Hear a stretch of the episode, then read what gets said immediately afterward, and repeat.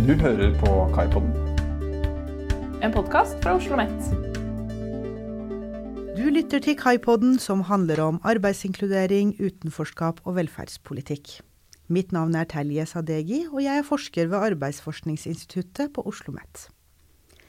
Tema for denne episoden av Kaipodden er økonomisk sosialhjelp og utvikling i mottak av denne ytelsen den siste tiden. Økonomisk sosialhjelp regnes som velferdsstatens siste sikkerhetsnett, og skal dekke behovene til de menneskene som faller utenom det øvrige trygdesystemet, slik at alle har tilstrekkelige midler til livsopphold. Sosialhjelpen er hjemlet i sosialtjenesteloven med det formål å bedre levekårene for vanskeligstilte, bidra til sosial og økonomisk trygghet, altså at den enkelte får mulighet til å leve og bo selvstendig, fremme overgang til arbeid, sosial inkludering og aktiv deltakelse i samfunnet. Nav har gjennomført nye analyser som viser at 13% flere mottok sosialhjelp i september 2023, sammenlignet med samme periode året før. Det er flere aspekter ved denne økningen, bl.a. nye mottakergrupper og nye mottaksmønstre. De nye utfordringene øker presset på Nav, og utfordrer både kapasiteten og kompetansen i førstelinjen. Så vi spør har vi fått en ny type fattigdom i Norge? Hva er årsakene til økningen i mottak av sosialhjelp? Hvilke utfordringer står disse menneskene i, og hvordan skal Nav hjelpe de fremover? Heidi Nikolaisen og Åshild Kalstø er forskerne bak disse analysene. Begge jobber i analyseseksjonen i Nav, og er her i dag for å snakke med oss om denne nye utviklingen. Velkommen til studio. Takk. Takk.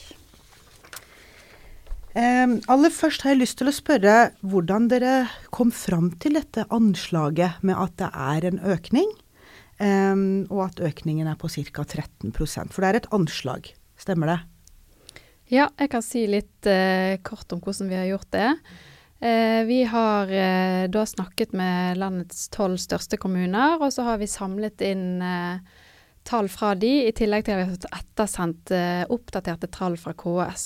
Så da har vi fått månedstall som de har hentet ut fra sine systemer, både for 2022 og 2023. Og så har vi brukt månedssnitt og sammenlignet med sånn at vi får et snitt for 2022 og 2023. Så den økningen er da basert på det. Så fins jo det noen offisielle sosialhjelpstall som kommer 1.6, som eh, SSB legger ut. Ja. Så dette er estimater og ikke helt eh, eh, eksakte tall vi Stemmer. står overfor. Eh, og fordi det er lag, eh, tidslag i når vi får de eksakte tallene, så opererer vi nå med estimater, altså et anslag, da. Ja. Så kan jeg jo si at de tolv kommunene vi har intervjuet, de dekker ca. 40% av befolkningen og tilsvarende sosialhjelpsmottakerne i, i landet. Ja. ja. Men før vi går nærmere inn på disse endringene, um, kan dere si litt om hva vet vi egentlig om um, mottakergrupper av sosialhjelp? La oss si siste fem eller ti årene. Altså hvis vi kan snakke litt om uh, det mønsteret vi kjenner til fra før, før vi går nærmere inn på de endringene vi står overfor nå? Ja, jeg kan òg eh, si litt eh, kort om det. Nå er det sånn at eh, det er, i de siste ti årene så har andel som mottar sosialhjelp ligget relativt stabilt, og en god del lavere enn det gjorde f.eks. på 90-tallet. Så i, sånn, i måneden så er det i, I 2022 så var det rundt 55 000 som hadde sosialhjelp i måneden. Og så er det mer enn dobbelt så mange som har det i løpet av et år. Så en del, behov, en del vil jo bare ha behov for kortvarig hjelp, mens eh, noen har da eh, behov for lengre hjelp. Og da eh, Dette har jo ikke vi sett på i vår undersøkelse, vi har flere kollegaer som har sett på dette tidligere. Og da er det bl.a. det de ser, er at det er en stor endring i at eh, folk som er født i Norge, da, i stadig mindre grad har sosialhjelp, mens flyktninger er veldig overrepresentert. Og de er òg eh, ofte av, blir avhengig av dette i lengre perioder. Kan, gjerne òg i flere år. Og så ser man òg at det er ofte unge som har sosialhjelp, de under 30 år. Eh, også de som i minst grad har sosialhjelp, det er de som er i pensjonsalder. De som er i pensjonsalder har i minst grad sosialhjelp? sosialhjelp. Ja. Okay. Eh, og så er det jo sånn at en del eh, av de som har sosialhjelp, de har òg andre trygdeytelser fra Nav og har eh, sosialhjelp som en supplement fordi at de ikke strekker til. Eh, og så er det òg sånn at eh, dette med arbeid er veldig viktig. Altså det er få som er i fulltidsarbeid som har sosialhjelp. Men eh, nå har det vist seg at de siste årene så viser at, liksom, undersøkelser vi har gjort og SSB har gjort, at det har blitt eh, Altså den gruppen har økt litt. Men du sier at på 90-tallet eh, så var det en eh, større andel som mottok sosialhjelp enn det har vært de siste ti årene. Eh, de endringene vi ser nå, er de historiske, eller er de mer på høyde nå med 90-tallet? Nei, altså de er ikke på høyde med 90-tallet. Så det, det, Det er høyere? Nei, det, det ligger fremdeles betydelig Fremdeles lavere enn på, på 90-tallet, ja. Ok. Mm, ja. Mm. Ja, nei, men det er jo lovende. ja. Ja. Um, så hvis vi kan gå inn på dette med denne økningen som vi ser nå. Hva er det, det, hva er det som ligger bak denne økningen? Hva skyldes det? Hvis dere kan si litt om det. Nei, altså det skyldes jo eh, først og fremst at det kommer masse ukrainske flyktninger. Eh, Det er hovedårsaken. Det kan vi ikke tallfeste, men, eh, men alle vi har snakka med sier at det er det som er den viktigste grunnen. Men så ser du jo også at det kommer andre grupper enn eh, flyktninger, ikke sant. Så eh, det er jo folk som eh, kanskje akkurat har levd på marginen før. Men som sliter nå pga. dyrtid og, og Kan du si hva dyrtid er? Ja, det er jo et sånn litt omstridt om hvor godt begrep det egentlig er. Men Ja. det er jo økte levekostnader vi tenker på da. ikke sant? Det er dyrere strøm, dyrere varer, dyrere tjenester. Ja. Alt er blitt dyrere, rett og slett. Ja. Ja. Um, ok, men dette med ukrainske flyktninger, det er, det er de som primært uh, er på en måte den bakenforliggende faktoren for at det blir økte uh, sosialhjelpsmottakere, eller økning i andel. Stemmer ikke det? Mm.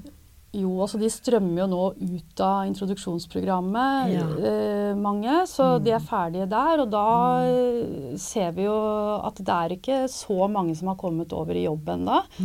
Eh, av de ca. 70 000 som har kommet, så er det vel 17% omtrent. Altså 70 000 er et litt dumt tall å nevne, for det er egentlig bare 40 000 som er i arbeidsfør alder. Mm. Så, men av, det er eh, omkring 17% av de som har eh, begynt å jobbe. Så, Og de andre må jo da ha et annet livsopphold. Ja. Mm. Men bortsett fra uh, ukrainske flyktninger, hvilke andre nye grupper ser vi? Kan dere si litt, litt mer om det? Det kan vi. Eh, Det Nav-kontorene sier, er at de ser at det kommer noen flere som har lønnsinntekt. Så det, det er en ny gruppe. Altså det er noen som har en inntekt som ikke strekker til. Eh, Og så nevnes også unge, og da trekkes det vel særlig fram unge som kanskje går på AP, mottar arbeidsavklaringspenger. At de også sliter med, med å få det til å gå rundt økonomisk. Og så er det, trekkes også barnefamilier fram, at det kommer flere barnefamilier enn før. Så de, de gruppene som har på en måte kanskje vært de mest tradisjonelle på sosialhjelp, er jo kanskje mer sånn ja, rusmisbrukere, enslige forsørgere og sånt. Så det, det, er, det er eh, litt flere av de, de tre gruppene jeg nevnte nå, da. Ja. Men eh, hvis vi går litt inn på dette med folk som er i jobb. Er det folk med deltidsjobb? Folk med fulltidsjobb? Hva vet vi om det? Altså, hvis jeg skal si litt om det som de informantene våre sa der, så er det ofte folk som ikke er i fullt arbeid. Ja. Ja. Mm. Så det er sjeldent at, eh, at eh, personer med fullt arbeid har behov for sosialhjelp, men det kan være noen som har spesielt lave eh, lønninger, eh, eller er aleine med flere barn, f.eks.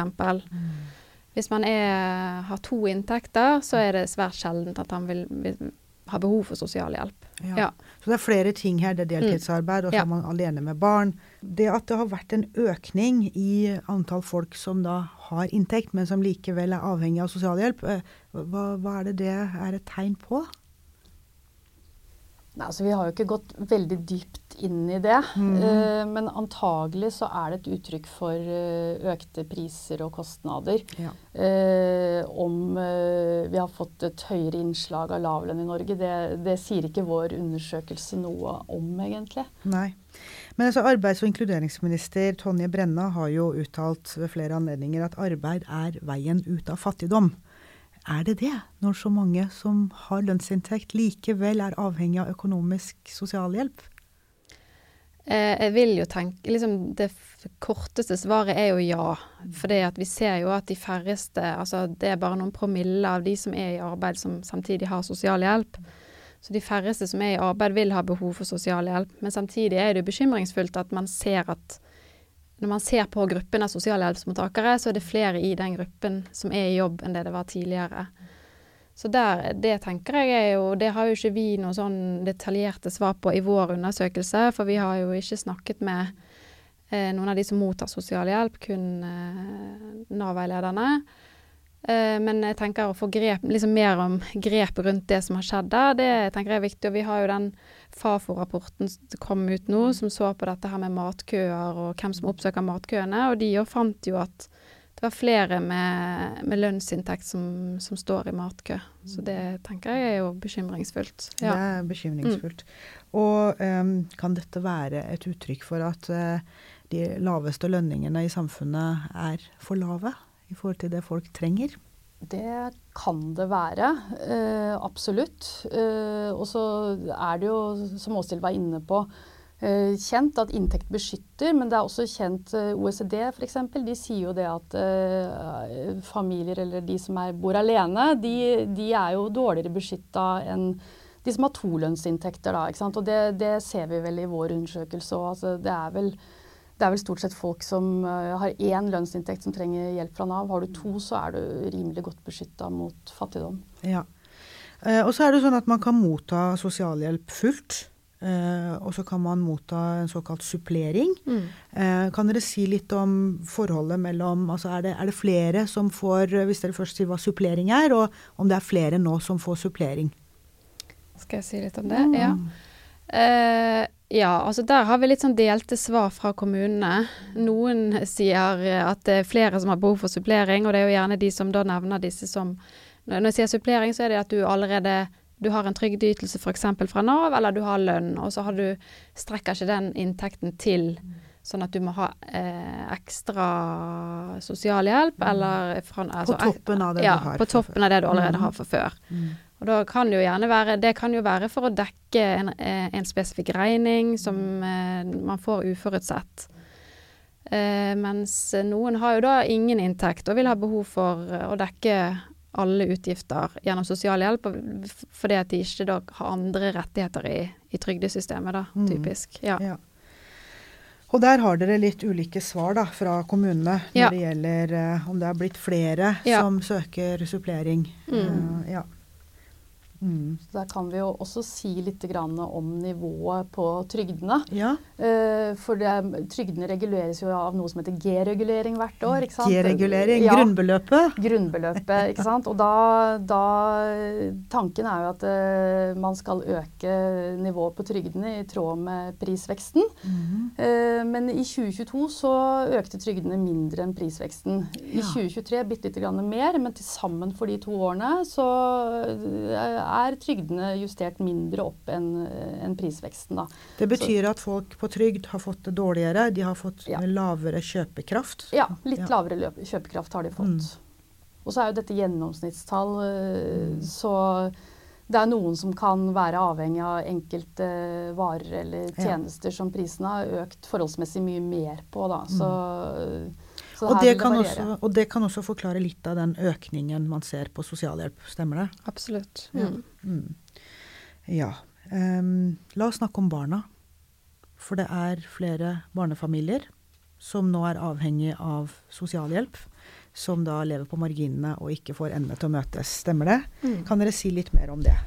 Ja, altså, Det er jo kjent at uh, barn kommer i en veldig sårbar situasjon når uh, omsorgspersonen, altså foreldrene eller foresatte, strever økonomisk.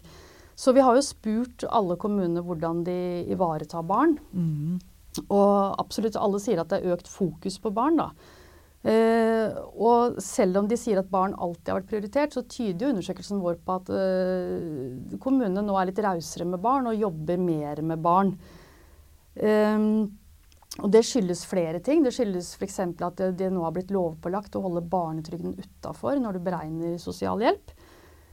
Uh, og så er det jo det at man har blitt enda mer bevisst kanskje på at barn skal ha gode liv, og kanskje særlig sikres muligheten til å delta i fritidsaktiviteter. At det er ekstremt viktig for barns livskvalitet, og at de får være med der. Så, så alle Nav-kontorene sier at de nok har på en måte utvida perspektivet litt da, på hva de innvilger til barn. Og så sier de jo også at det skal jo ligge individuelle vurderinger til grunn uh, for hva man gir til og hva man ikke gir til. Så vi har uh, prøvd å spørre litt om hva de spesielt gir til, og da er det dette med fritidsaktiviteter som Det prioriteres. Det prioriteres veldig høyt, og selvfølgelig mm. alle kostnadene knytta til skoleaktiviteter også. Men utstyr og alt til fritidsaktiviteter, da. Så, så, og så er det også det at Eh, de fleste av de vi har snakka med, har tilsyn eh, når det gjelder hvordan Nav forvalter barneperspektivet.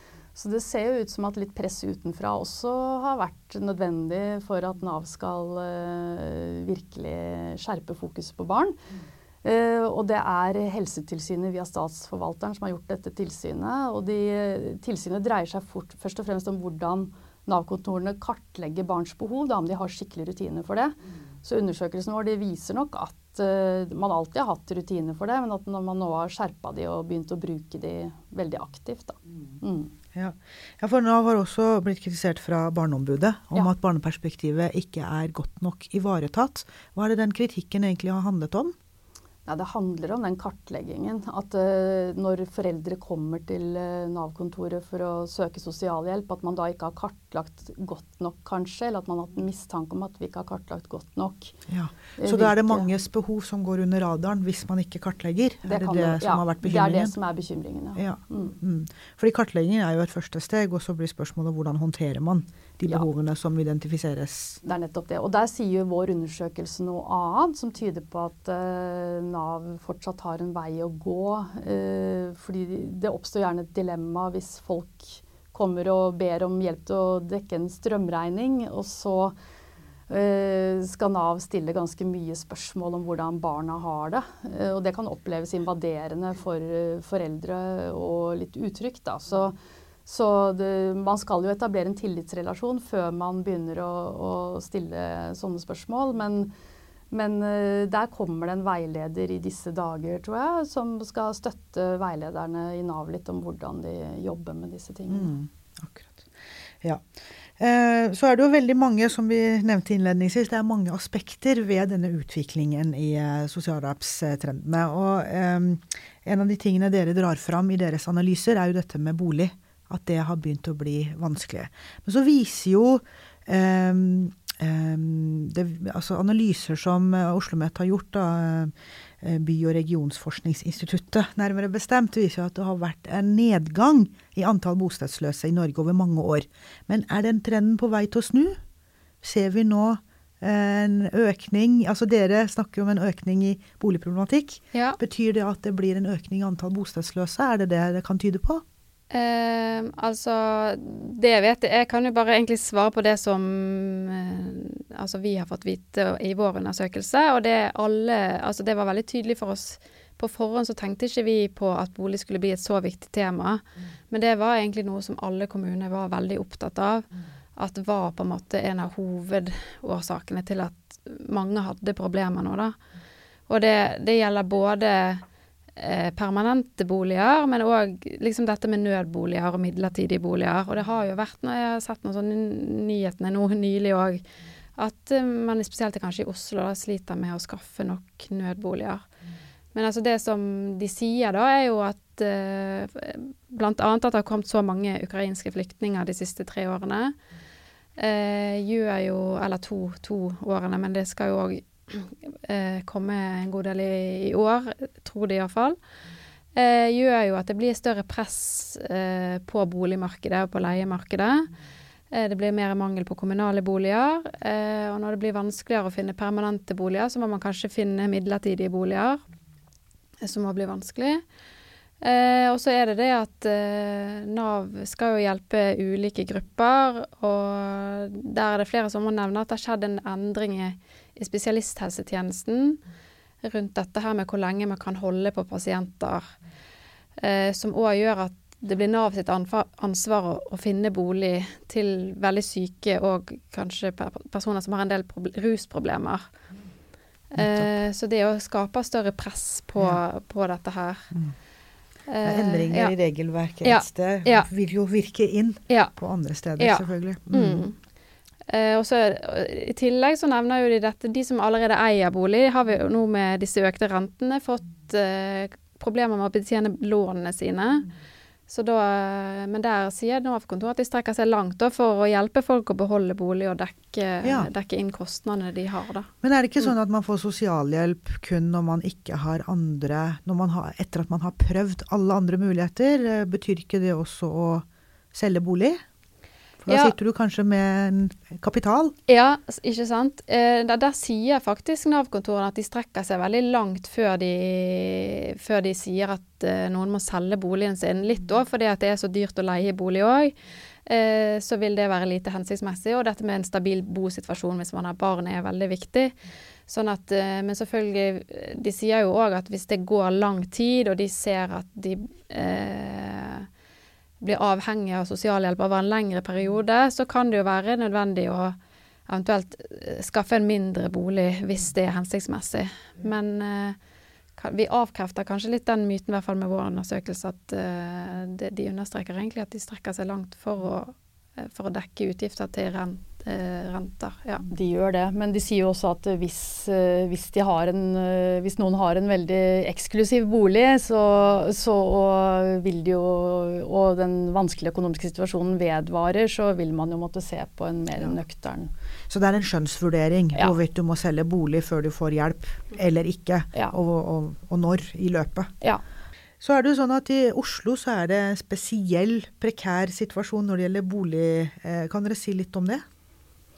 Ja, eh, de vi intervjua i Oslo kommune fortalte at det er et veldig press på de midlertidige boligene som også kalles nødbolig. Eh, og, eh, og, det skyldes mange ting. Også at nabokommunene bruker tilbudene i Oslo fordi de kanskje ikke har den type tilbud selv. Eh, så Oslo kommune sier at uh, nå er det flere de, har måttet ty til ganske ekstraordinære tiltak da, for å få det til å, å, gå rundt. Så de har bygd om hybelhus og sykehjem f.eks. til sånne midlertidige boliger. Og i siste instans så må man jo ty til hotellrom da, for folk. Mm. Mm. Ja, ikke sant. Men eh, jeg lurer på alt det vi snakker om nå, med disse nye momentene, eh, nye innslagene. Eh, kan det, vil dere si at vi har en eh, ny type fattigdom i Norge? Det kan vi godt si litt om. Altså, måten man eh, nærmer seg det på, er å se på disse nye gruppene som vi var inne på tidligere. Altså de med lønnsinntekt, eh, barnefamilier med to forsørgere. At de har dukket opp både i matutdelinger og i større grad hos Nav. Vi har ikke selv kalt det fattigdom, men erfarne fattigdomsforskere i Fafo Uh, I forbindelse med den matrapporten de lagde om matkøer nå rett før jul, uh, så sa de at det var et tegn på at det har oppstått lommer av fattigdom. Og absolutt fattigdom i større grad enn den relative fattigdommen da, som vi har vært vant til å, å snakke om i Norge. Mm. Altså, Sosialtjenestelovens uh, formålsparagraf uh, tilsier jo at man skal bekjempe fattigdom, motvirke fattigdom. Uh, er det noe der man ikke helt har klart å ivareta? Det kan være. altså, også i sosialtjenesteloven så står det faktisk at et mål er å, å løfte folk ut av den situasjonen og bygge seg opp sånn at de kan bli selvforsørget. Så uh, det, det, blir jo en kjempeutfordring fremover å, makte det. For førstelinja står nå i stort press, og det å kunne klare å levere helhetlige tjenester, få til ordentlig kompetanseløft for de som trenger det, få til å behandle sykdom i kombinasjon med å, å eh, forberede folk til arbeid, det, det, blir jo Det er de løftene der som skal til for å løfte folk ut av fattigdom. Ja, ja, og det bringer meg til neste punkt, og det er nettopp dette her med den økte pågangen. fordi at man kan jo bare tenke seg ikke sant, at eh, alt det vi har snakket om gjør jo at det blir flere som henvender seg til Nav-kontorene og ønsker bistand derfra. Eh, har Nav-kontorene fått tilført eh, ytterligere ressurser for å møte denne økte pågangen, eller? Nei, det, det, har de ikke foreløpig. Og det var noen av våre informanter som sa sammenligna med pandemien. For da kom det jo også veldig mange nye ekstraoppgaver til Nav. Og Nav er jo vant til kriser, ikke sant? men under pandemien så fikk man tilført litt ekstra midler. Og nå opplever nok førstelinja at nå kommer det en uh, ny bølge som treffer dem, men det, det, er ikke noe ekstra ressurser. Så det, det koker nok litt uh, ut i førstelinja. Altså. Ja, hvordan håndteres dette? Eh, altså, Vi har jo ikke sånn eh, spurt sånn kjempedetaljert om det, men de sier at de f.eks. klarer å skaffe bolig til alle som trenger det. De sier ikke, de sier ikke at dette klarer vi ikke. Uh, men de gir også inntrykk av at det går At det er litt på hekta, og at det er fryktelig hektisk. Så det er jo en viss fare for at noen ikke får så gode tjenester som de kanskje ja. trenger, da. Altså Forskning tilsier jo at, eh, at eh, når Nav eh, står overfor inntektssikringsoppgaver som er prekære, som brenner, så, så, kan oppfølgingsoppgaver, altså dette med å mm. hjelpe folk i arbeid, at det kan bli satt på vent. Er det noe som kan tenkes å skje nå i disse tilstandene? Ja, det tenker jeg absolutt. At det blir fokus på, på dette her, å få inntektene til å gå rundt. og mm det er òg noe de tar, eh, tok opp med oss informantene våre, er jo det der at kanskje spesielt de som eh, er avhengig av sosialhjelp, eh, de må jo søke på nytt. Det, du får det liksom innvilget for en kort periode. Du må gjerne søke om ulike bostøtte, det kommer til ulike datoer.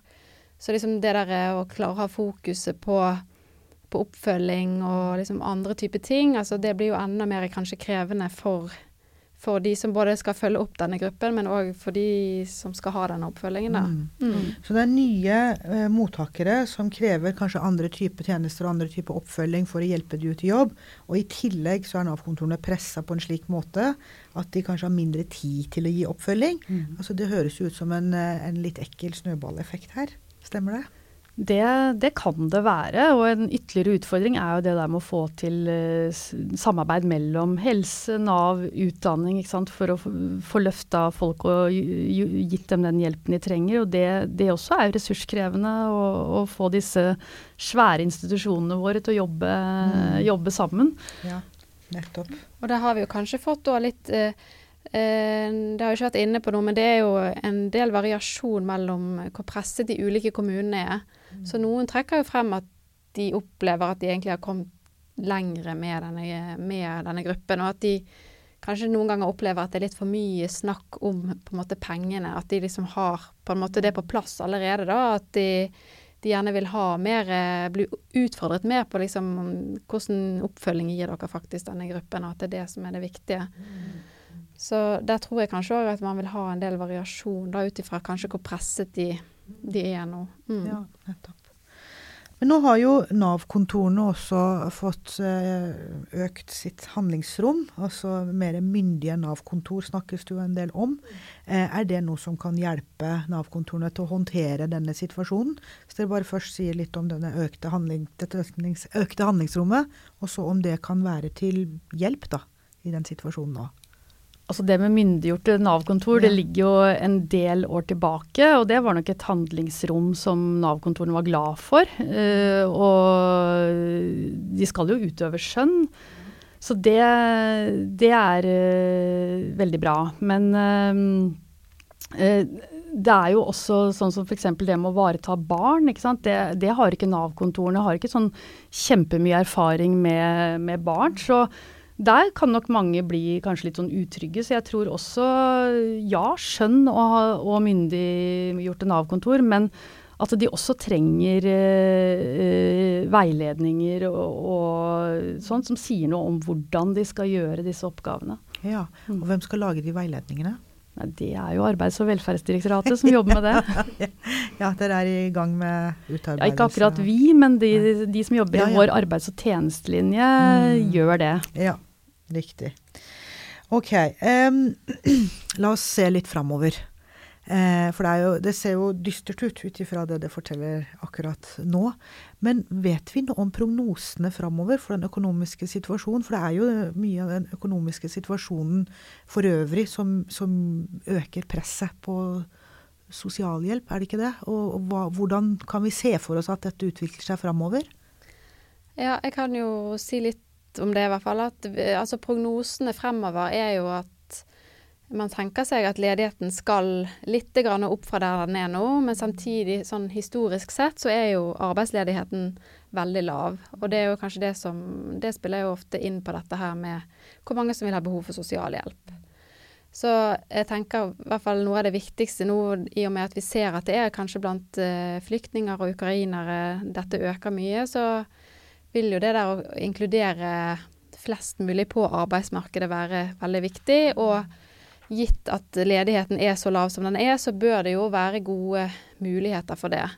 Så prognosene tilsier egentlig at Norge kommer til å ha mangel på arbeidskraft fremover. Ja. Og det er et gode for den situasjonen eh, de vanskeligstilte står overfor i dag i Norge. Absolutt. Ja.